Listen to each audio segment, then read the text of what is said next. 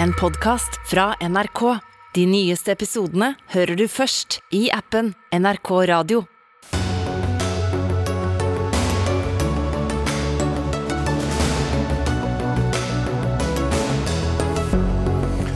Offentlig utvalg vil fjerne alle tilleggspoeng og ta bort muligheten til å forbedre karakterene etter videregående, noe ikke alle tror er så lurt. Vestland fylkeskommune valgte bort kantineselskap som ga arbeidstrening til folk som hadde falt utenfor eh, arbeidslivet, ville ha høy kvalitet på maten for å tekkes godt betalende leietagere i eget hus. Kritikk av regjeringens beslutning om å splitte Oslo fengsel og sende to tredeler ut til andre kommuner. Distriktspolitikken rår, kritiserer Venstre.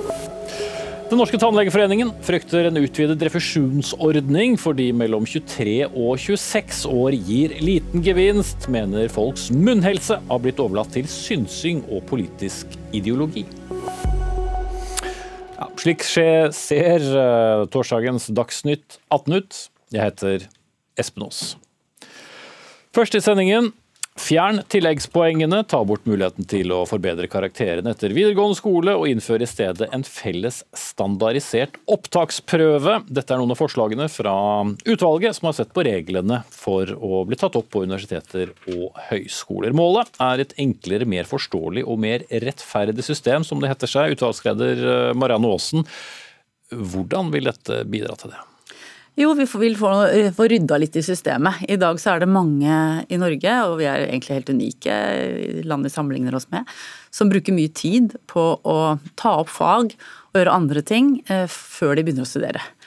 Eh, og det betyr at det blir et karakterpress. Du må ha veldig høye, eh, ha veldig høye karakterer og ha samla maks Eh, studiepoeng på de studiene hvor det har konkurranse. Men du skal jo fortsatt ha best mulig karakterer for å komme inn på de mest populære studiene? Ja, for det som vi da ønsker å gjøre, er jo at det er karakterene som skal telle.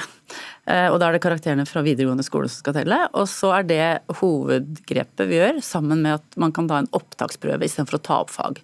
Og der er det en deling da, så noen kommer inn på, på rene karakterer, og så vil det være en del som kan ja, De som da ikke kommer inn da, på rene karakterer, de kan bruke den eh, prøven som de da antageligvis har tatt. Og så, og så blir det da en mindre gruppe som kommer inn på det. Det Eh, så det tror vi er et bedre system, og det vil senke karakternivået i Norge ganske, ganske betraktelig på de studiene som, eh, som det er, har konkurranse om. Så man, det, det, som er litt viktig, er jo dette for å få fram tidlig i den debatten, så ikke folk misforstår alt. Dette vil jo ta tid å implementere, så det gjelder jo ikke de som sitter nå og studere på Bjørknes i kveld for å gjøre, for å gjøre det bra på eksamen denne måneden. Som er en skole der du kan gå og forbedre videregående karakterene. Ja. Så det vil jo ikke gjelde for den eh, gruppa der. Men det vil gjelde for de som nå kanskje går på ungdomsskolen, begynnelsen av videregående. Eh, litt fram i tid. Og de vil da komme, forhåpentligvis, da, hvis vi får det som vi vil, få et mye enklere system å forholde seg til. Hvor du kan gå rett på hvor det er det, det, er det du gjør i videregående skoler som teller, men hvor vi gir også en second chance, altså en ny mulighet, ved denne opptaksprøven. Så det vi har holdt på med i alle disse årene med alderspoeng og militærpoeng og jeg vet ikke hva, det har ikke hatt noe formål? da?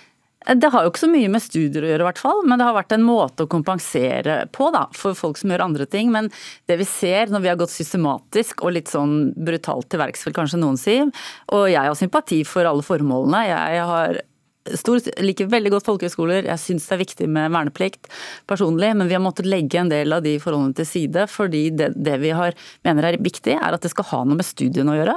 Eh, og at ikke man bare skal belønnes for å bli eldre og ha gjort forskjellige andre ting. Samtidig som vi vet at eh, Bibelskolen ønsker å få tilleggspoeng. Forsvaret vil kanskje ha enda flere tilleggspoeng. Eh, og hvor skal vi sette grensen? Til slutt så kommer du ikke inn uten å ha maks tilleggspoeng og har ekstremt gode karakterer etter å ha tatt opp mange fag over flere år. Og det er der vi egentlig er i dag. Mm. Marie Godal leder av Norsk studentorganisasjon. Eh, hvis vi går tilbake til opptaksprøven, der er eh, du og dere skeptiske. Hvorfor det? Det er vi. Vi er helt enig i at karakterer skal eh, være hovedveien inn i høyere utdanning. Eh, men den sideveien eh, som utvalget foreslår, eh, den mener vi at kanskje ikke løser noe av det som er hovedproblematikken i dag med privatistordningen. Og den også legger opp til at det er de som er flinkest til å pugge, og de som har mest ressurser, som har størst mulighet til å benytte seg av den veien. Vi foreslår heller å se nærmere på den sideveien inn i høyere utdanning, det som skal være din andre sjanse, og se på muligheten for å vektlegge erfaring, motivasjon og andre kompetanser som kan være minst like relevant for å eh, komme inn i høyere utdanning. Ja, men Hvordan da skal det være en slags form for eh, tilleggspoeng likevel, da, eller? Nei, uh, i den modellen som utvalget legger fram, uh, så utgår jo uh, alle på en måte poeng. Vi tror at en sidevei kan kompensere for de tilleggspoengene som nå potensielt blir borte, gjennom å kunne gjøre en mer helhetlig vurdering av søkerne til det enkelte studiet.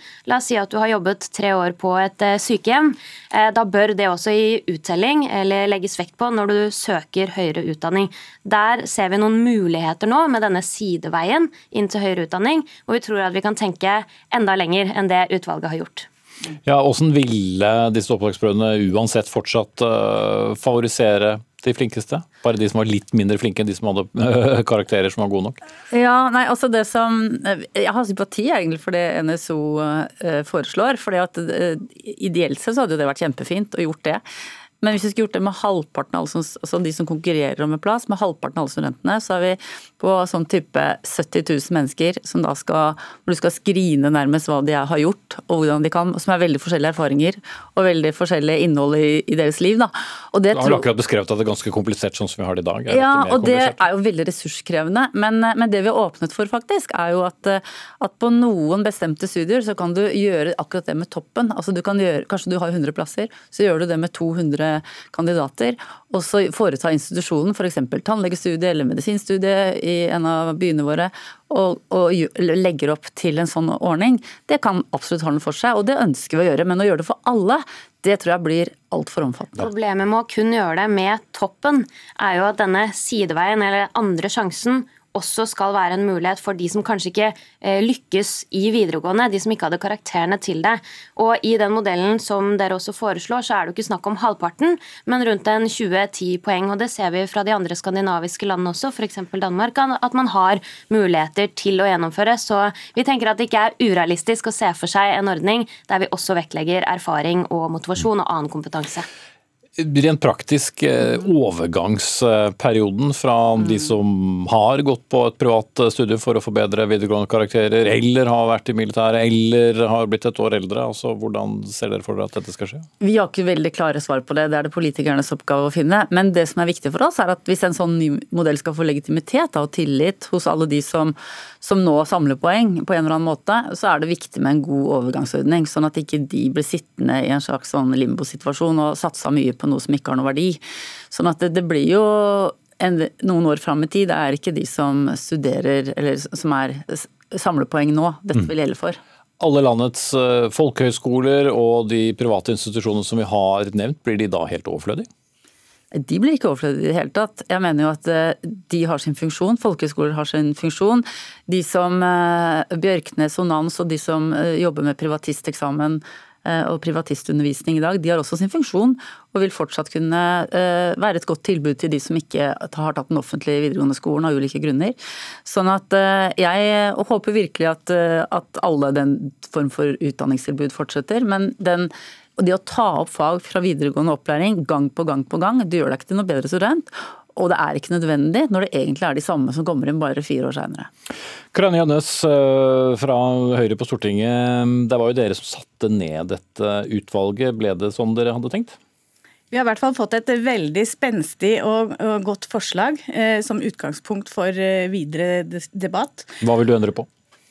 Ja, Det skal vi komme tilbake til. Men eh, vi satte jo ned utvalget fordi vi har fått et eh, opptakssystem for, videre, for høyere utdanning som er altfor komplekst og altfor vanskelig, og som gjør at folk eh, starter for seint på utdanninga si.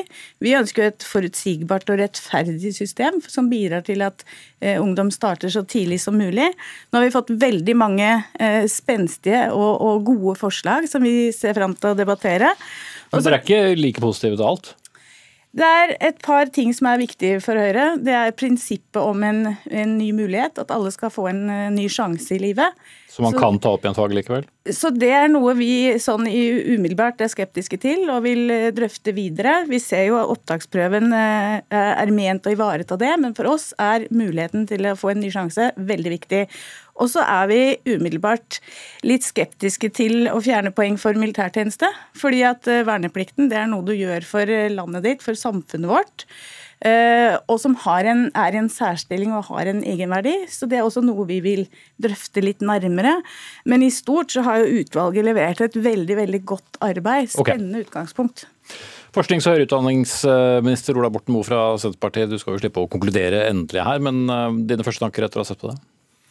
For det første så var det jo et utvalg som den forrige regjeringa fortjenestefullt uh, satt med, og som vi valgte å videreføre. og Det betyr jo at det er jo en bred politisk enighet i Norge om at det er på høy tid å gå gjennom opptakssystemet. Det er for sammensatt, det er for komplisert, det er for mye suboptimalisering eh, av ressurser, for å bruke et sånt ord. Og det kan med fordel bli både enklere, mer rettferdig, mer oversiktlig.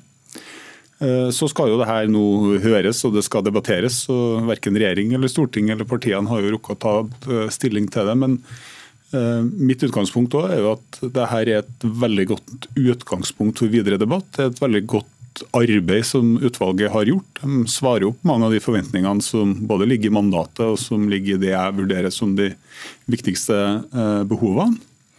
Og så er det her en sak som angår oss alle sammen. Det er jo det viktigste valget mange av oss gjør gjennom et eh, liv. Altså, hvilken utdanning skal du gå på? og Da er du nødt til å ha rettferdige, forutsigbare og gode regler eh, for å fordele knappe Bør man få en sjanse nummer to, slik Høyre og Gjønnes kanskje savner her? Det tror jeg alle sammen er veldig opptatt av. At det ikke er sånn at det bare er det som skjer fra du er, 18 til du, nei, fra du er 16 til du er 19 år Eh, på videregående skole som bestemmer hele framtida di. Eh, utvalget har jo foreslått å gjøre det gjennom en eh, opptaksprøve, som er et nytt element egentlig i det norske opptakssystemet, men som man har lang erfaring med i Sverige. Og så er det jo et viktig poeng at når du tar bort alle tilleggspoengene, så vil jo snittet gå veldig ned på utdanningene våre. Så Eh, de fleste som driver og søker på altså, juss og medisin og veterinær, og sånn, ser jo at du opererer med snittkarakterer på 6,8 eh, og sju og seks og sånn eh, for å komme inn. og Du er jo ikke mulig å få mer enn seks i, i snitt, så det syns jeg jo sjøl at det her eh, er jo ikke en optimal løsning. og Det er altfor mange som bruker altfor mye tid egentlig på å fullføre videregående opplæring og gjøre seg selv studiekvalifisert. Og det, er ikke, det, det, er ikke en fordel, det er ikke en fordel verken for den enkelte eller for samfunnet. Og Så må vi finne selvsagt den balansen som gjør at man har en rimelig sjanse til å gjøre Eh, gjør ting på, på, nytt igjen. og Det kan være denne eh, opptaksprøven som utvalget foreslår. Syns jeg ikke er et eh, dårlig forslag i det, i det, hele tatt. Men du utelukker heller ikke at Høyres tanke om å, å, ha muligheten til å ta opp igjen noen fag bør videreføres? Nei, men Jeg tror fort at det er litt sånn enten-eller. Du kan ikke gå alle veier på én gang. så Enten så får vi pynte litt på det systemet som vi har, det er for så vidt et prinsipielt valg det også. Eller så må man gå den veien som som utvalget foreslår. Mm, vi er veldig for å gå eh, mer i den retningen av det utvalget foreslår, enn eh, det vi har i dag. Jeg er helt enig i at vi skal ha et system som er forutsigbart. Eh, også for oss studenter så er det viktig at vi stoler på det systemet vi faktisk skal igjennom. Men det er derfor en sidevei som også vektlegger nettopp erfaring, vil kunne ivareta intensjonen bak de tilleggspoengene som vi nå fjerner. Da har man muligheten til å si at jo, men et år på folkehøyskole der du har lært om friidrett eller hatt friluftsliv, det kan være relevant hvis du vil bli bli guide i Nord-Norge. Så det åpner jo også opp noen muligheter for å ivareta det som Høyre er inne på, eh, med tilleggspoeng og eh, militærtjeneste, hvor du ja, det må være relevant til den utdanningen du tar. Mm. Takker du det, Bortmo? Ja, altså, mer en refleksjon, for det er jo ingen som har uh, konkludert ennå. Men det går jo nettopp på det her at i det at det er rettferdig og forutsigbart, så blir jo spørsmålet hvordan tolkes det i på en måte norsk kontekst og norsk kultur. Og Min opplevelse eller min sånn oppfatning det er jo at et karakterbasert, i hovedsak et karakterbasert opptak det er allment anerkjent som rettferdig og forutsigbart i det norske samfunnet. Eh, det er jeg selv òg veldig enig i. Eh, så det å i stort omfang eh, begynne å operere med type intervju eller subjektive vurderinger av hvem det er som skal få tilgang på en del plasser som er veldig ettertrakta, spesielt type da, medisin, psykologi, eh, veterinær, juss, det tror jeg vi skal tenke oss veldig om på. Det ene er på en måte transaksjonskostnadene eller byråkratiet rundt det, som, som, utvalget er opptatt av. Og det andre er jo på en måte hvor transparent det der er. Hvor mye vil på en måte trynefaktor eller kontakter eller hva det nå skal være bety for det endelige opptaket. Det er i hvert fall, det er hvert fall moment som det er verdt å ta med seg. Ja, kan, kunne... jeg, kan, jeg, være helt tydelig okay, på at Vi mener også at karakterer skal være hovedveien inn i høyere utdanning, og at det er der man skal ta opp de fleste studentene. Ok, Jønnes. Jeg tror vi skal begrense eh, de alternative veiene, men vi er opptatt av at det skal være like muligheter for alle. At alle skal få en ny sjanse, og at systemet ikke bare skal være forutsigbart og rettferdig, men også lett å forstå. Mm, kan ikke en opptaksprøve nettopp eh, ivareta det? da? Jo, kanskje kan den det. Og så må vi få lov å bruke tid på å vurdere de gode forslagene vi har fått, om, om løsningen til en second chance er gjennom opptaksprøve, eller om det også skal være mulig å ta, eh, forbedre karakter. Det er jo også et viktig poeng at du har muligheten til å uh, ta andre fag. Som jo også er en form for second chance. Sånn at, eh, men vi må sørge for at det er enkelt. Når vi nå først gjør en stor operasjon, så skal vi forbedre og forenkle. Det er eh, god høyrepolitikk, og jeg er glad for at vi har fått det utgangspunktet. Vi lar studentene få runde. Ja, jeg tror eh, Det viktigste vi nå kan gjøre for å sikre at vi får et system som er lett å forstå, det er å høre med de som faktisk skal igjennom det. Så Det er min klare oppfordring også til ministeren i det videre arbeidet. Eh, involver de som skal igjennom systemet. Da får vi også best mulig resultat. Mm. Kanskje han må på besøk også. Ola Borten Moe, eh, statsråd for høyere utdanning. Mariann Aasen, utvalgsleder. Maika Marie Godal Dam fra NSO, eller Norsk studentorganisasjon. Og Karianne Gjønnes fra Høyre.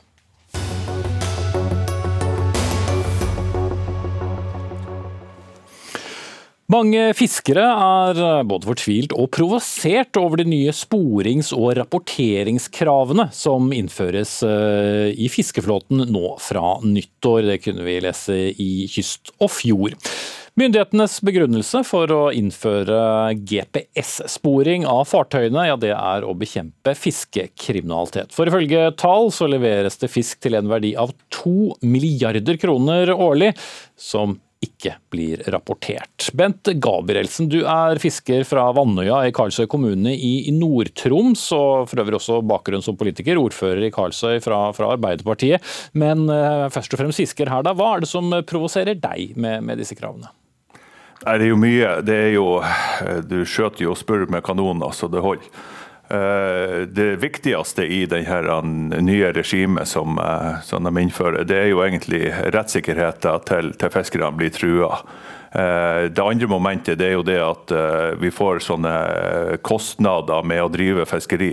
Spesielt den minste flåten som ikke har den store omsetninga. Den vil få en månedlig kostnad på for, for, å ha dette utstyret om bord. Hvis vi tar det med rettssikkerheten eh, først, da, Gabrielsen. På hvilken måte eh, trues den ved at båtene spores? Ja, vi har hatt, tidligere så har vi hatt større båter hatt eh, fangstdagbok, altså rapporterer inn fangst før de kommer i kai. Og Der er det innarbeidet en sånn vane i, i Fiskeridirektoratet at eh, pluss-minus 10% så eh, bommer du på det, så vanker det bøter. Det vil si det at I større båter som har vektsystemer, de klarer det veldig bra. I mindre båter så har det vist seg det, altså i båter ned til 15 meter og helt ned til 13 meter som har fangstdagbok i dag, der, der bommer de, og så blir det utstedt av bøter. Det viser seg også det at når de de sakene blir prøvd i rettssystemet, så taper eh, Fiskeridirektoratet gang på gang. Men gjør ikke dette systemet det enklere, da? eller? Eh, nei, det gjør jo ikke det. For at de skal jo videreføre det til neste år. Altså, så skal vi med båter under 11 meter og til 10 meter innføres. Og så kommer det da fra 2024 så skal båter fra 10 meter og til 0 meter eh, eh, ha en sånn rapportering. Mm. Det vil si det at du kan sammenligne det med at du Du er pålagt å kjøre pluss-minus i fartsgrensa uten speedometer. Det er veldig mange typer båter, og det er veldig vanskelig å taksere i fangst. Så det blir en mer komplisert hverdag, er det du sier. Vi inviterte fiskeriminister Bjørnar Skjæran til den debatten. Eh, han kunne ikke komme. Sendte deg, Vidar Ulriksen, du er statssekretær eh, fra Arbeiderpartiet. Hva sier du til Gabrielsen og andre som eh, har de innvendingene de har mot dette forslaget, som, som dere jo er kjent med? Nei, jeg eh, må jo si at Inngangen til dette er jo eh, litt uh, misvisende. Det har ikke med kriminalisering av en hel næring å gjøre. Dette er for å få dokumentert hvor henne de mindre båtene fisker, og hva de fisker der. Og uh, Dette med rettssikkerhet uh, trenger de ikke å bekymre seg for. Det er nok sånn at Vi er i en rettsstat. Alle har rett til å få si sak behandla i rettssystemet hvis det skulle bli aktuelt. Men eh, jeg har jo eh, registrert det at eh, nøyaktigheten på rapporteringer er en bekymring. Og Det har vi bedt Fiskeridirektoratet være lempelige og forståelsesfulle det første året. Vi skal ha litt slingringsmonn. Mm. Men det, det, skal vel ikke Fasiten på hva som blir fiska, det blir når det blir levert på land til, til, mottaket. Det er det som er egentlig det vi skal ha to streker under svaret på. Mm. Og på hvilken måte er det, eller Hvorfor er det da viktig med, med denne GPS-sporingen, som også betyr økte kostnader for uh, de som eier båtene? Nå har vi eh, bevilga en del penger til å bruke som tilskudd, 7000 kroner per installasjon. Men eh, det koster litt å ha dette om bord. Men eh, etter hvert som det blir flere av disse her under 11 meter, så er det jo også en hel del båter som er bare én mann om bord. Så dette har også et sånn sikkerhetsaspekt. De vet til hver tid hvor båtene er, og hvis ikke de sender signal, så er det nokså gale. Men det er vel ikke primært for sikkerheten? Nei, men det er en positiv tilleggsfunksjon. Og eh, det Vi legger vekt på at det er også mulig å bygge ut dette systemet, som gir helt andre muligheter enn vi har hatt før. Både med alarmer som eieren kan få på sin mobiltelefon for vanninntrenging, brann, og om det er noe som er feil med fortøyningene. Så det, det er ikke bare negative ting, vi må også ta med oss de positive. Men hovedbegrunnelsen er da for å, for å, spore Gabrielsen, og da hjelper ikke disse tilleggsmomentene deg når denne månedlige regningen skal betales? Nei, hovedsaken er å vite hvor det blir fiska. Vi har eh, manglende dokumentasjon i dag i det kystnære farvann, hvor den mindre flåten opererer, hvor de viktige fiskefeltene er. For Har vi det, så kan vi lettere argumentere til fordel for fiskeri i forhold til andre næringer. Vær Være seg havbruk, havvind og annen næring. Ja, egentlig så ga jeg ordet til, til motdebattant eh, Gabrielsen, men eh, vær så god. Ja, nei, Jeg kan uh, kommentere det, for det her er jo en avsporing. og Vi har jo kanskje litt knapt med tid. Men det her med sikkerhet og det her med forskning det er kommet i ettertid i debatten etter at det her uh, møtte motbør. Uh, sakens kjerne er det at Fiskeridirektoratet evner ikke til å føre en skikkelig kontroll på fiskeriene. Og Den som blir taperne, det er de lovlydige fiskerne, som får et system tredd nedover hodet som ikke i det hele tatt Eh, er tilpassa dagen i dag. Eh, kan, eh, hvis man ser litt på i forhold til hva som blir utfordra, pluss-minus 10% det er, ei, det er ikke forskriftsfesta. Det er en sånn skjønnsvurdering som hver kontrollør skal gjøre på kaia. Det vil si det at det er litt bingo om du blir bøtelagt eller ikke. Og, og i, i, Grunnloven så står det at du skal ha en lik rettergang. Eh, og Det kommer ikke til å skje. Det er alt etter hva slags eh, vurderinger den enkelte kontrollør gjør. Ulriksen.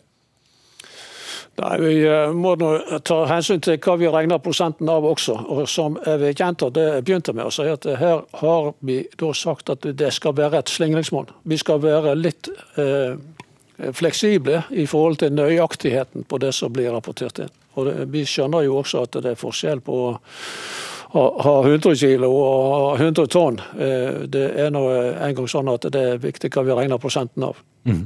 Men, ja, det, ja. ja, vær så god, Gabriel. Nei, men Det nytter jo ikke å, å, å, å, ha et år med fredning, eller uh, hva man skal si. Uh, altså, vi, vi, får jo den ordninga etter et år, da. Og Jeg kan ikke tenke meg til at vi er blitt bedre å taksere på et år.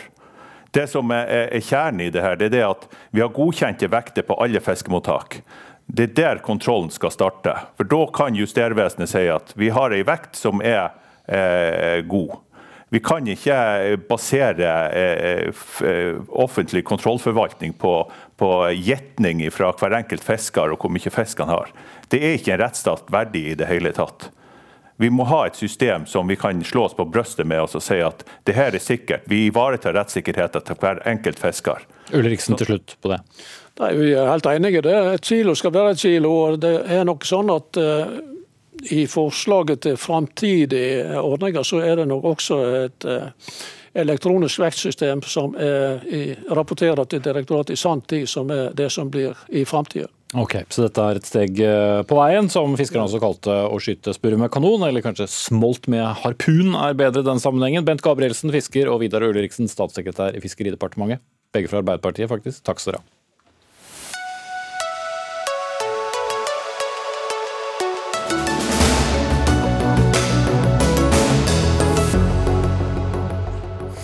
Norge må øke støtten til Ukraina nå. Utropstegn. Ja, denne appellen til eh, norske myndigheter kom i eh, en kronikk i VG i dag, signert av tolv forskere, forfattere og ledere for norske tenketanker. En av dem er deg, Sven G. Holsmark, eh, professor i Institutt for forsvarsstudier ved Forsvarets høgskole, og mener altså da at myndighetene gir for liten støtte til Ukraina, og at denne hjelpen kan komme for sent. Hva er det regjeringen da konkret må gjøre? Nei, eh, La meg bare starte med utgangspunktet. Eh, vi tar utgangspunkt i veldig, noen veldig enkle tallforhold. Eh, Norge forventer en merinntekt fra petroleumseksporten, altså olje og gass, i 2022 og 2023 på 1977 milliarder kroner.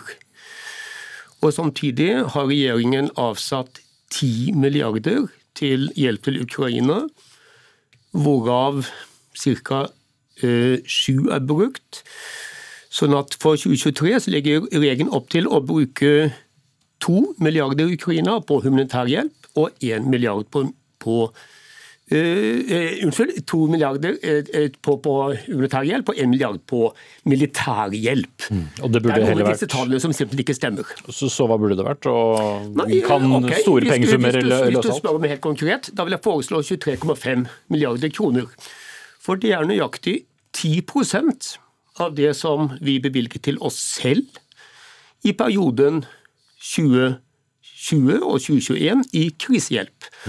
Og Denne gangen skrev regjeringen i nasjonalbudsjettet at dette er noe vi kan gjøre innenfor uh, handlingsregelen, for dette har vi råd til vi har råd til å hjelpe Ukraina tilsvarende. Mm. Eller kanskje 10% av det vi kan til oss selv. Med, med, en egen eh, slags handlingsregel. Eivind Wad Petterson, satt opp, du er statssekretær i Utenriksdepartementet for Arbeiderpartiet. Satt opp mot hverandre, så er jo tallene mikroskopiske av den hjelpen som, eh, som gis. Eh, hva svarer du? Nå må vi være forsiktige, milliardene flyr mellom veggene her. Men det er jo en del eh, klare sannheter vi må bare ha foran oss. og Det er at uh, Norge støtter Ukraina. Vi skal støtte Ukraina så lenge det trengs, og vi skal støtte med gjenoppbygging. Og vi har bidratt med mye så langt. For å gjøre det enkelt, så har vi hittil bidratt med ca. 15 milliarder, og vi kommer til å bidra med veldig mye mer. Og så er det, det er også selvfølgelig helt sant at med høye gasspriser så får det norske fellesskapet ekstrainntekter. De pengene går eh, Eh, rett inn i det norske oljefondet eh, og tilhører det norske fellesskapet og framtidige generasjoner. Eh, men som det kom tydelig fram etter forliket om statsbudsjettet for neste år, så er vi helt beredt på at det også medfører et ansvar. og Det ansvaret skal vi ta, og vi kommer til å bidra med veldig mye mer enn de 15 milliardene vi hittil har bidratt med i 22 år. Men, men dere er også opptatt av at dette går for sent, Holsmark? Ja, for det første, Regjeringen sier selv på sine nettsider som angivelig oppdatert at vi har gitt nøyaktig 12,3 milliarder kroner. Det er veldig flott at regjeringen og SV nå har blitt eh, enige om at man til våren skal satse på en eh, ja, kanskje en større pakke for Ukraina og andre kriserammede land. Problemet er at nå slår vinteren inn i Ukraina. Eh, Ukraina er et land med store byer, og Ukraina er atskillig kaldere enn Norge. En vanlig vinter i en by som Kiev er mellom minus 20 og minus 30. Og la oss tenke oss Oslo uten vann, uten strøm, minus 25 kuldegrader uke etter uke, og at Norge i denne situasjonen ikke kan simpelthen bidra som vi allerede har gjort, men bidra mer, det er for mange av oss, ut fra en enkelt eh, resonnement, det er moralsk helt uforsvarlig. Norge skal bidra med veldig mye, veldig mye mer. Eh, og Det vi allerede har bidratt med, det vi bidrar med i disse dager, er f.eks. 2 milliarder kroner til gass eh, til Ukraina. Som kommer tilbake til statskassen, 80% i form av skatteinntekter. Det er en misforståelse. Det er 2 milliarder i gave til, via Den europeiske utviklingsbanken ja. til Ukraina for innkjøp av gass, ja. så ukrainerne kan klare seg bedre gjennom vinteren. Ukrainerne kjøper den gassen. For ja, en av gangen setter alltid vårt publikum pris på. Bare eh, Fakta er at det er to milliarder i en gave fra Norge til Ukraina, gitt gjennom Den europeiske utviklingsbanken for innkjøp av gass til uh, ukrainske befolkningen okay. gjennom vinteren. Men det er nå én ting. Så vi, nå I disse dager gir vi også en milliard kroner til for å sørge for å reparere all den elektrisitetsinfrastrukturen som blir ødelagt. Altså Bare for Vinteren er tøff i Ukraina, og derfor bidrar vi nå. Derfor var utenriksministeren var i Kiev her om dagen. Ja, Hun så jo dette med egne øyne sammen med, med, med nordiske kolleger. Absolutt. Det endret ikke hennes tanke på at dette burde gå raskere? Tanke, regjeringens tanke er at Norge bidrar med veldig mye, og vi skal bidra med veldig mye mer. Så stemmer det eh, at eh, som en del av den enigheten om statsbudsjettet, så er det varslet at Norge skal stille opp på sikt. Eh, ikke bare nå i den akutte fasen, hvor vi har gjort mye og skal gjøre enda mer, men vi skal være der hele veien når, vi, når hovedsaken forhåpentligvis en dag snart også blir gjenoppbygging. Det, skal, det, er en øvelse som kommer til å ta flere år, som kommer til å gå på tvers av norske stortingsperioder. Statsministeren har i dag sagt at han har invitert alle partilederne på Stortinget til et møte om å få bredest mulig enighet om den langsiktige forpliktelsen. Det er det bra. Eh, at vi eh, har vi ikke noe behov for å partipolitisere fra regjeringspartiene. Okay. Det må vi ha bred enighet om, eh, for det kommer til å være en langvarig innsats. Men vi må ha flere tanker i hodet samtidig. Vi, skal, vi stiller opp i akuttfasen, og vi skal stille opp på sikt. Ja, I mellomtiden før Ukraina må gjenoppbygges, så må Ukraina overleve. Ukrainerne må overleve. Og jeg har ikke fått noe svar på det enkle spørsmål hvorfor kan ikke Norge allerede nå, istedenfor å gjennom ulike internasjonale organisasjoner gi mindre beløp, hvorfor kan vi ikke ganske enkelt gi mer nå? Jeg har ikke fått noe svar. 15 milliarder til sammen hittil, som er det avrundede totale helheten. Det er, det, er, det, nei, det er, ikke, det er mye. Det er svært svært mange penger. Men vi, kommer, vi kommer, men, men vi, kommer, til å gjøre veldig mye mer. Eh, to milliarder kroner eh, til eh, gasskjøp i Ukraina. Vi er den største av alle internasjonale givere til å bidra til det. En milliard kroner til Verdensbanken for å sørge for å reparere infrastruktur. Det er ikke småbeløp. Ukraina er et stort land, behovene er enorme. Vi har bidratt mye, vi kommer til å bidra med mye mer. Mm. Men spørsmålet var hvorfor ikke det er mer nå? Nå er det en gang sånn at eh, de norske statsbudsjettet er det Stortinget som vedtar. Eh, nå skal partilederne eh, møtes veldig snarlig til uka, skjønner jeg. Da vil vi bli enige om veien videre. Men vi må klare å ha disse tankene i hodet samtidig. Vi har bidratt med våpen, med nødhjelp, med støtte for å holde hjulene i gang i den ukrainske staten. Vi planlegger for det langsiktige, men samtidig gjør vi mer nå i det akutte, særlig nå gjennom vinteren, som kommer til å bli tøff. Hvorfor samlet dere dere om denne appellen akkurat nå? Eh, du, altså Det har ingenting å gjøre med budsjettforliket, så det er klart. Men sånn sett passer det veldig fint, for det at budsjettforliket, som er strålende, det ser på det langsiktige. Men vi er simpelthen spontant forbauset over at norske politikere sover godt om natten, når vi som eneste europeiske land har en massiv krigsprofitt. Og vi gir atskillig mindre per, eh, i forhold til BNP enn langt fattigere land enn de tre baltiske land, enn Polen. Hvorfor kan vi ikke mer? Jeg har selvfølgelig ikke fått noe svar på det. Ja, men Du har ikke spurt, og det skal svaret skal du få nå. Norge gir eh, langt mer til Ukraina enn de andre nordiske landene. Hvis vi ser på det, skjer rangeringer der? Og Målt etter størrelse på økonomien så gir vi mye mer enn USA, for eksempel, som gir massivt militærbistand. Eh, vi, men det skulle bare mangle. Eh, det er i vår egen interesse å sørge for at Ukraina eh, vinner fram eh, og slår tilbake denne brutale angrepskrigen.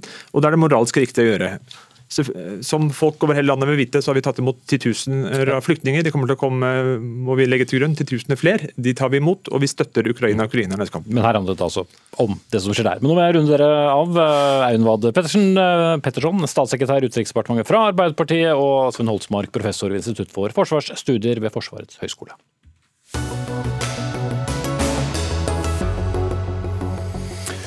Senere i Dagsnytt 18 en refusjonsordning for tannhelse er full av hull, skal vi tro Tannlegeforeningen. Men nå Den politiske striden om Oslo fengsel fortsetter, selv om det i går ble klart da at regjeringen går inn for å dele det gamle fengselet i tre, til eh, tre forskjellige kommuner. Ilseng i Stange, der hvor også partilederen i Senterpartiet holder til, blir bygget ut med 96 høysikkerhetsplasser, mens Ullersmo fengsel i Ullensaker kommune får 76. Og så blir det igjen om lag 140 plasser i hovedstaden. Og Halstein Bjerke, du er gruppeleder og bystyrerepresentant for Venstre i, i, Oslo. Og Da vi snakket med deg før sending, så sa du at dette innebærer at det er distriktspolitikken som trumfer innsattes helse og kvalitet i soningsforholdene. Men eh, det er ikke sånn at det ikke er tilbud andre steder enn i Oslo? Altså Dette er en fryktelig dårlig løsning. De tar altså over halve Oslo fengsel og plasserer det langt ute på bygda. Og I går morges så kunne vi altså se tre statsråder eh, ikke tilfeldigvis var alle tre fra Hedmark, eh, stå, og det var bare bløtkaka som mangla, eh, oppe på ildseng og juble over, at, over denne beslutningen. En av de sa sågar at dette har vi jobbet for i mange år. For meg er det en veldig klar illustrasjon på at her har distriktspolitiske hensyn trumfet uh, hensynet til en god kriminalomsorg og et godt tilbud til de innsatte og deres pårørende. Mm. Men ikke så langt unna nettopp der du snakket om Ilseng, så er det jo også et uh, psykiatrisk tilbud. Så Hvorfor er ikke det godt nok? Altså for det første så splitter de opp et uh, godt uh, fagmiljø ved Oslo fengsel, som nå da skal fordeles, de ansatte skal fordeles ut på, uh, på flere lokasjoner.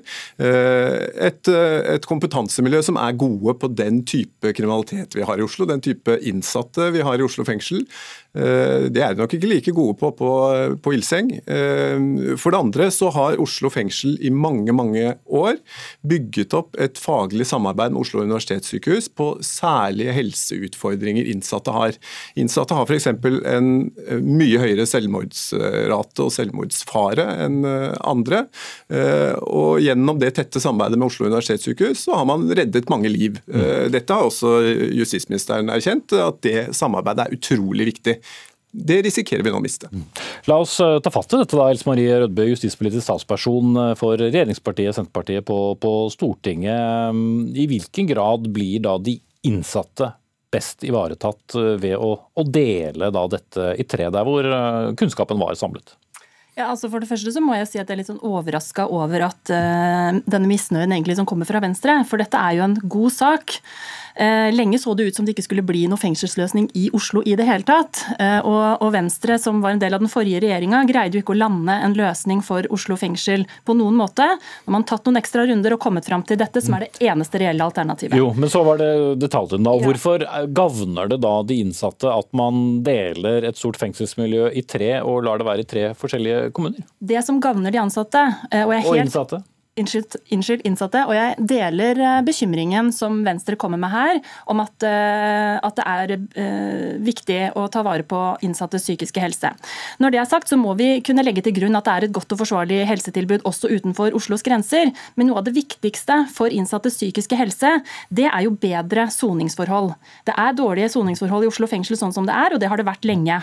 Så det beste vi kan gjøre for innsatte, det er jo da mindre bruk av isolasjon og mer grunnbemanning i kriminalomsorgen. Og Da er det jo fristende å si at da Venstre satt i regjering i forrige periode, så ble jo faktisk Norge kritisert av Den europeiske torturkommisjonen, eller torturkomiteen, for for mye bruk av isolasjon blant innsatte. Nå har regjeringen da som sagt landet et vanskelig kompromiss som, eh, som har ligget lenge i løse luften. I tillegg så styrker vi kriminalomsorgen generelt sett. Eh, og så er det om å gjøre å få ned bruken av isolasjon. Det er veldig viktig. Og Når det gjelder samarbeidet som, eh, som pekes på her, så er det ikke sånn at dette er en løsning som trer i kraft i morgen. Jeg tror flinke fagfolk både på OUS og Region Innlandet vil finne gode løsninger, sånn at de innsattes psykiske helse blir godt ivaretatt også i denne løsningen. Altså jeg tror jeg har møtt en syv-åtte justisministre om denne saken. Nå skifta de jo ganske ofte en periode òg. Altså, det kunne du gjort i løpet av noen få måneder siden. Verken den forrige regjeringen eller denne regjeringen har gjort en uh, god nok jobb. og Det er heller ikke byrådet i Oslo. Altså så jeg har uh, diskutert dette mye med Raymond Hansen. Jeg kan ikke forstå at han sto der bondefanget og uh, lata som han var fornøyd. Men ikke til stede her, da. Ja. Uh, men, men hvis det var sånn at, at, man kunne splitte dette opp, for det har man jo ikke sett på. For det første har man gjort en altfor dårlig jobb med å finne en tomt i Oslo som egner seg. Det å, å, å si at man skal bygge ned en skog oppe i Groruddalen, som nærmiljøet er opptatt av, det er ikke en god løsning. og Det var den eneste reelle løsningen vi fikk på bordet fra justis, nåværende justisminister. For det andre, hvis det var sånn at man kunne splitte dette fengselet opp i tre, og, og lete etter tre mindre tomter, så hadde det tatt deg noen få minutter å finne tre mindre tomter i Oslo. Hvis det, hvis det var et alternativ å splitte det opp. Vi har aldri fått høre tidligere at det var et alternativ å splitte, splitte Men, men ikke med eksisterende fengselsmiljøer som i dette tilfellet? Nei, men tre tomter i Oslo uh, på en tredjedel av det det opprinnelig var forespeilet, det er ikke noe problem å finne. Rødby. Ja, nå er jo akkurat tidsmomentet da, som det pekes på også litt viktig. fordi at det er jo sånn at Dette har ligget på forskjellige regjeringers bord lenge. I Arbeiderparti- og Senterpartiregjeringen har den ligget ett år. Presentasjonen av løsningen var Bredtvet. Dette innebar nedbygging av et viktig grøntområde i Groruddalen, hvor 140 000 mennesker eh, har et, eh, en boltreplass. Eh, og Det var ikke en god løsning i, i, når vi lyttet til lokalsamfunnet der. Så er det jo sånn at Når justisministeren fra Senterpartiet tenkte at her må vi gå en ny runde så fremstår jo det eh, med at man kan få en nedskalert eh, løsning på Oslo fengsel, en byggeklar tomt på Ilseng, og med å bevare soningsplasser og varetektsfengselsplasser i Oslo, som den beste løsningen ut fra de mulighetene som er. Mitt inntrykk er at man har snudd hver stein når det knytter seg til tomtealternativer i Oslo, og eh, Hvis Venstre har noen bedre konkrete løsninger å peke på, som kan løses like fort som eh, det regjeringen har pekt på, så er man jo interessert i å høre det. Men regjeringen har lyttet til lokalpolitikken.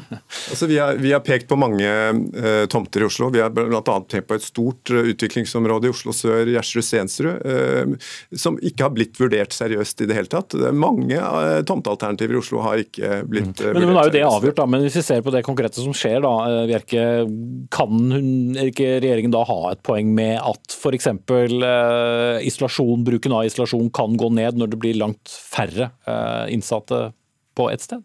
Ja, det kan, det kan, godt være. Vi får håpe det. Altså, jeg frykter at kriminalomsorgen blir dårligere med denne løsningen, og ikke bedre. Jeg frykter det blir vanskeligere for pårørende, eh, nære pårørende å skulle besøke innsatte når de skal eh, langt ut på bygda for å gjøre det. Eh, det er dårlig kollektivdekning fra, fra Oslo opp til Ilseng. Og jeg frykter at gode fagmiljøer forvitrer. Fagmiljøene? Ja, altså jeg vil jo først svare på det han sier i forhold til dette med at, eh, at eh, det blir vanskelig for pårørende, og at dette med å sone i nærområdet er viktig. Nærhetsprinsippet er viktig. og Derfor er det også nettopp lagt opp til soningsplasser i Oslo. Så er det jo også sånn at en del ønsker å ikke sone i, i, sitt nærmiljø. Eh, og Derfor tror jeg at dette blir en god kombinasjon. Men som sagt, det blir soningsplasser fortsatt i Oslo.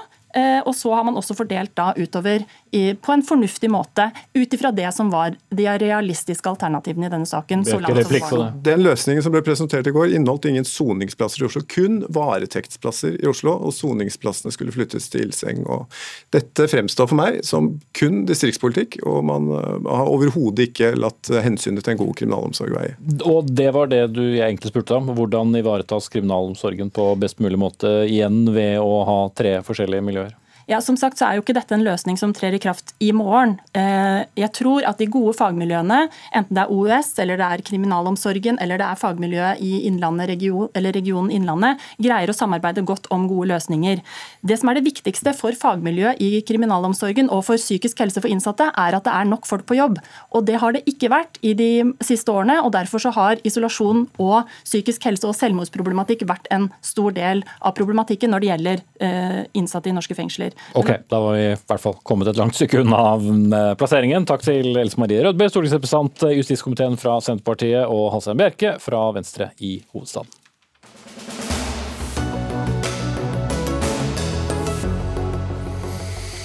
Ja, nå skal vi til eh, en annen eh, del av landet. Vestland eh, Vestland fylkeskommune snarere, og kantinen der får nytt mannskap. Og det skjedd, det skjer ikke uten reaksjoner.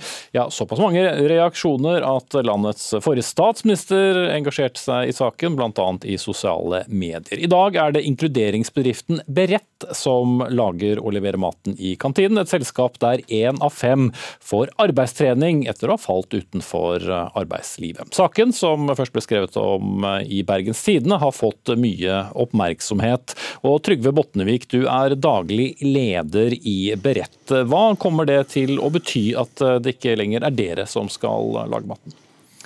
Utfordringen i denne forbindelse er jo at vi som en inkluderingsbedrift og tar vare på utenforskapet, mister en god mulighet for en god opplæringsplass. Og Det syns vi er usedvanlig viktig. Og Grunnen til at vi reagerte så sterkt, og andre har reagert så sterkt, det er jo også begrunnelsen for hvorfor man valgte en, en annen leverandør. Og så var det også type eh, anbud som ble lagt ut i denne forbindelse. Mm. Ja, Det er på en måte to diskusjoner litt i denne saken. Den ene er at det var en ren eh, anbudsrunde, og det andre er da det som eh, ble sagt her. Rune Haugsdal, du er kommunaldirektør i Vestland fylkeskommune. Det er viktig at kvaliteten på kantinen er av samme høye kvalitet som resten av bygget, altså det fylkeskommunale bygget, for å tiltrekke seg godt betalende leietagere, skrev styringsgruppen gruppen. Hva betyr egentlig det? Det betyr at vi ønsker å ha gode leveranser i kantinen vår. Og kvaliteten her den er nok knyttet til mer enn bare maten. Der er oppstilt en del kriterier eller forutsetninger i kontrakten, som bl.a. går på kantinedrift, eh, bruk av utstyr, eh, miljøkrav, digitale løsninger og pris. Mm. Slik at det er flere kriterier som danner grunnlag. Ja. Men, men, ut fra denne formuleringen så kan man jo få inntrykk av at uh, utleievirksomhet av uh, fylkeskommunale lokaler var uh, vel så viktig som hvem som faktisk lager maten? Nei, det er ikke riktig. Eh, jeg tror jeg har lyst til å si at Vi arbeider hver dag for å styrke mangfold og, og arbeide for et inkluderende arbeidsliv. Både politisk og administrativt. Det som vi gjør i denne sammenhengen, her, det er at vi gir flere eh, tilbydere muligheten til å eh, gi tilbud på drift av kantinen vår.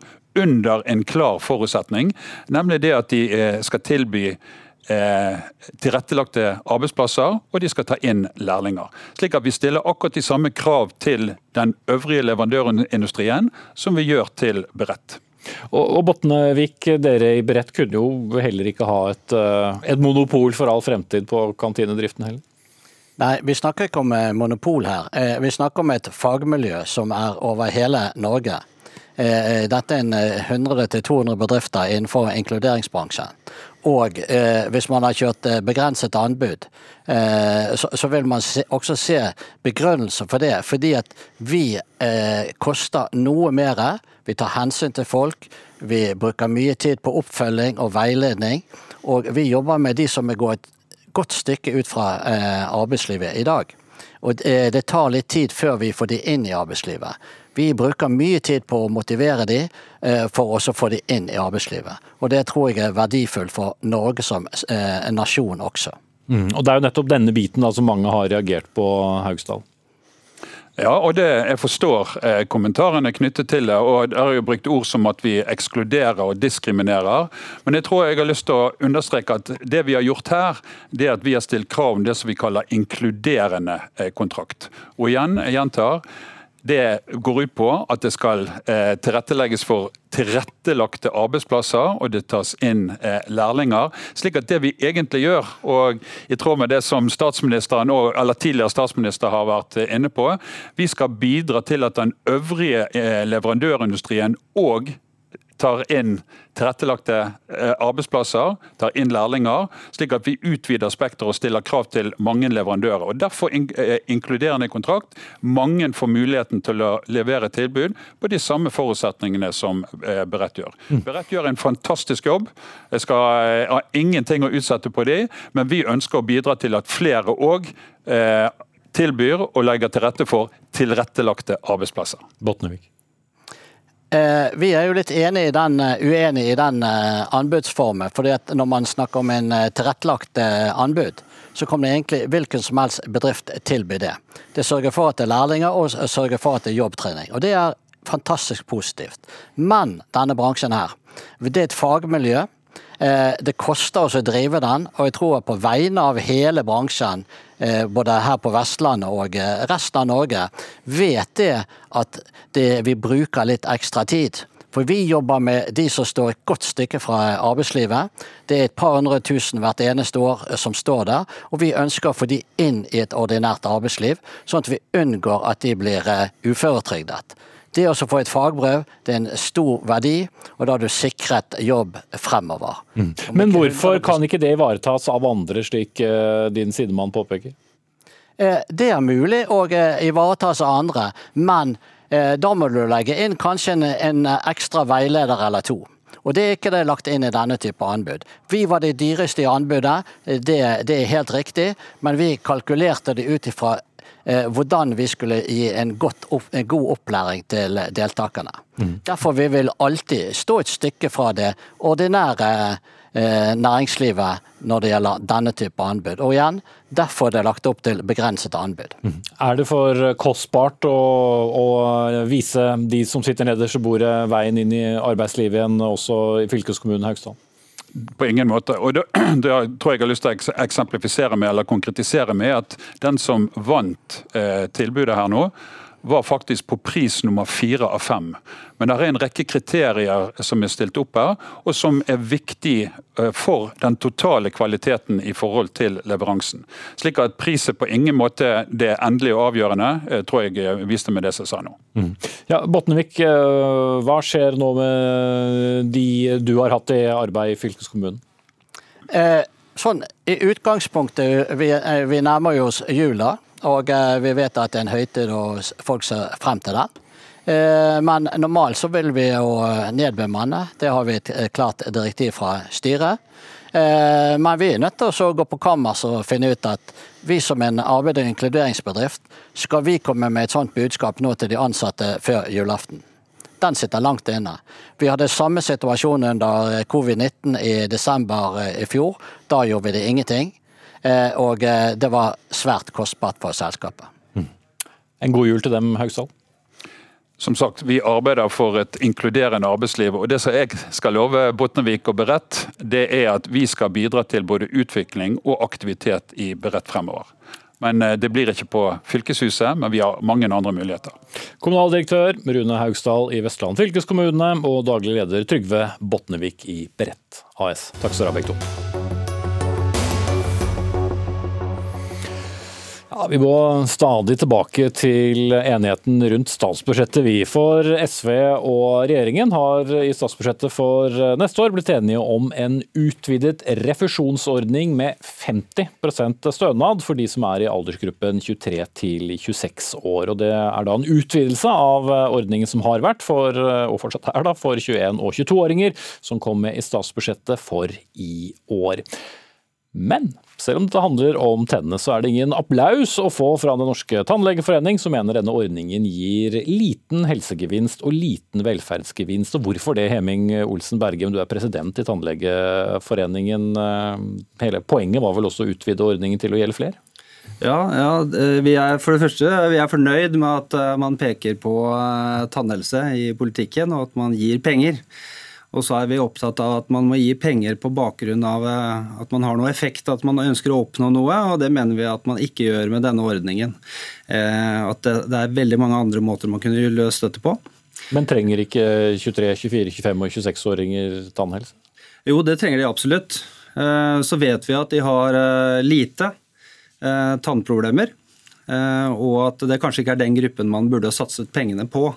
Det er liksom det vi peker mest på i denne sammenhengen. Og så er det litt hvem som skal motta, hvem som skal ta vare på disse i den uh, situasjonen som man er i nå. Mm, hvis vi tar bare det første, så det du egentlig sier er at her har, eh, gir regjeringen og SV penger til feil pasientgruppe, er det slik å forstå? Ja, Eller det, feil aldersgruppe? Da? ja, det er det vi har pekt på. Uh, ikke kanskje nødvendigvis feil aldersgruppe, men uh, feil gruppe mottakere. For det kan være noen innenfor den aldersgruppen her også som vil ha større behov. Så det handler om eh, hvor stort behov man har, eh, og hva som er årsaken til det behovet. Mm. Så Det er det vi har pekt på. Vi har pekt bl.a. veldig mye på psykisk helse og rus som vi mener man burde prioritert framfor dette. Mm.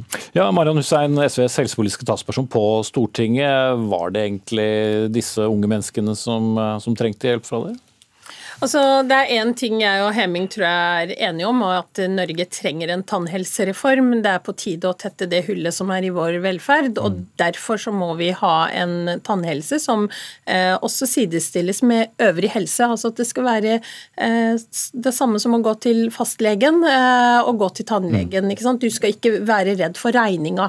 Og så er det sånn at eh, veldig mange unge mennesker oppgir at de eh, frykter å gå til tannlegen og utsetter å gå til, til tannlegen fordi de er redd for regninga. 40% av unge har tidligere svart i en undersøkelse at dette er de redde for. Mm. Men er det de som trenger det mest? Eh, det er sånn med velferd og universelle rettigheter at vi ikke skal tenke på hvem er det som trenger det mest, og hvem er den mest verdige mottakeren. Vi må bygge opp en offentlig velferd som ivaretar oss alle, også når vi trenger den som mest. Og da er det riktig å ta en aldersgruppe som har ganske god tannhelse? Nei, det er viktig å bygge ut rettighetene steg for steg. Dette er ikke SV hadde satt av en, en milliard til tannhelse i vårt alternative budsjett.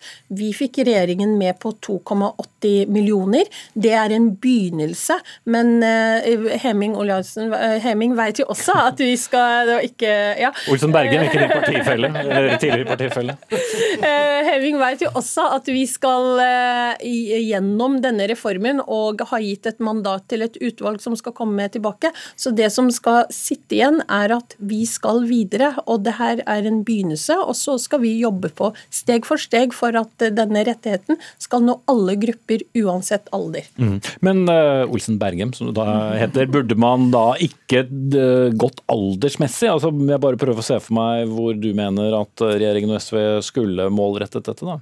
Ja, altså vi, som jeg sa i stad, Vi har pekt på psykisk helse og rus, for det er en, lett, altså en gruppe som er veldig tydelig at der har tannhelsetjenesteloven og samfunnet stadig mer sprikende. Eh, så, sånn det, er, det, er, ikke sånn at tannhelsetjenesteloven favner denne gruppen lenger, fordi de har forandret hvordan man behandler dem. Så Det har vi pekt på. Samtidig så er det vi peker på i vårt utspill nå, det er jo først og fremst det at vi synser veldig mye om hvordan vi skal eh, få den beste tannhelsetjenesten. Eh, og, så, og vi har lite tall. Vi har lite bakgrunnskunnskap, og det er det utvalget er satt ned for å gjøre.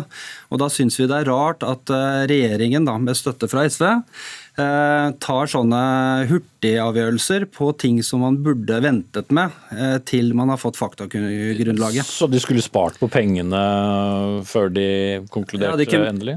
Dette, de kunne brukt disse pengene på en del på psykisk helse. Eh, for der vet vi at det er et behov, og vi vet at det er ganske enkelt å gjøre noe med det. Vi har foreslått det for Helse- og omsorgsdepartementet, som har sendt det tilbake til utvalget.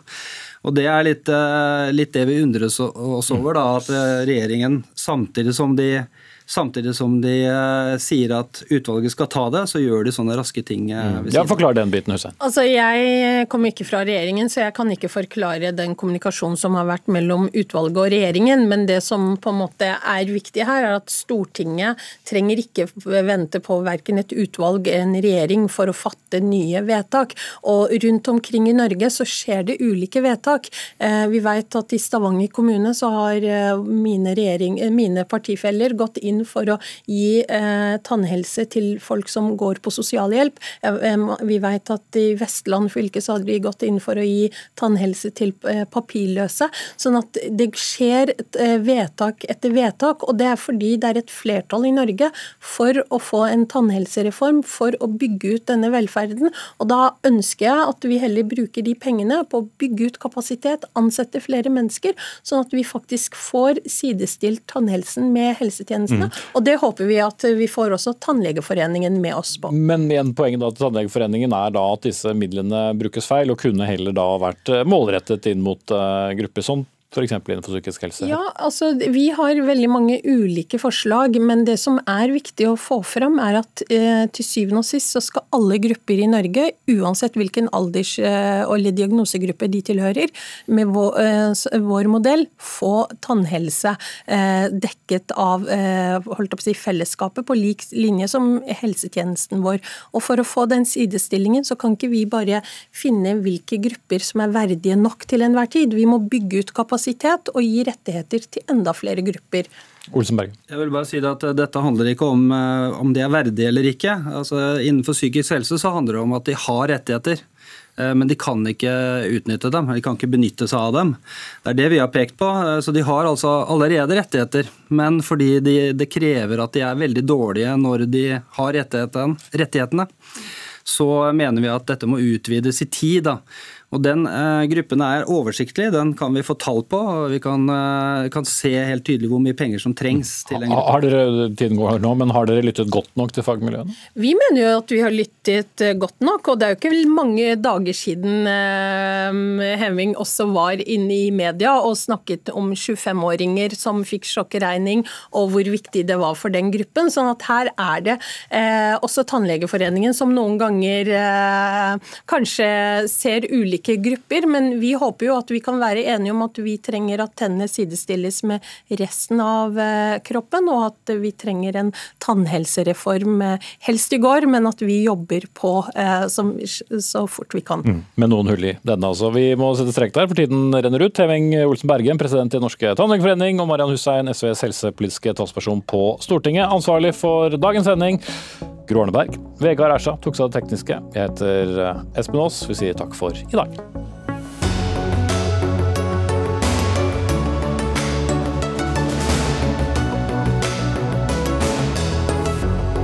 Du har hørt en podkast fra NRK. De nyeste episodene hører du først i appen NRK Radio.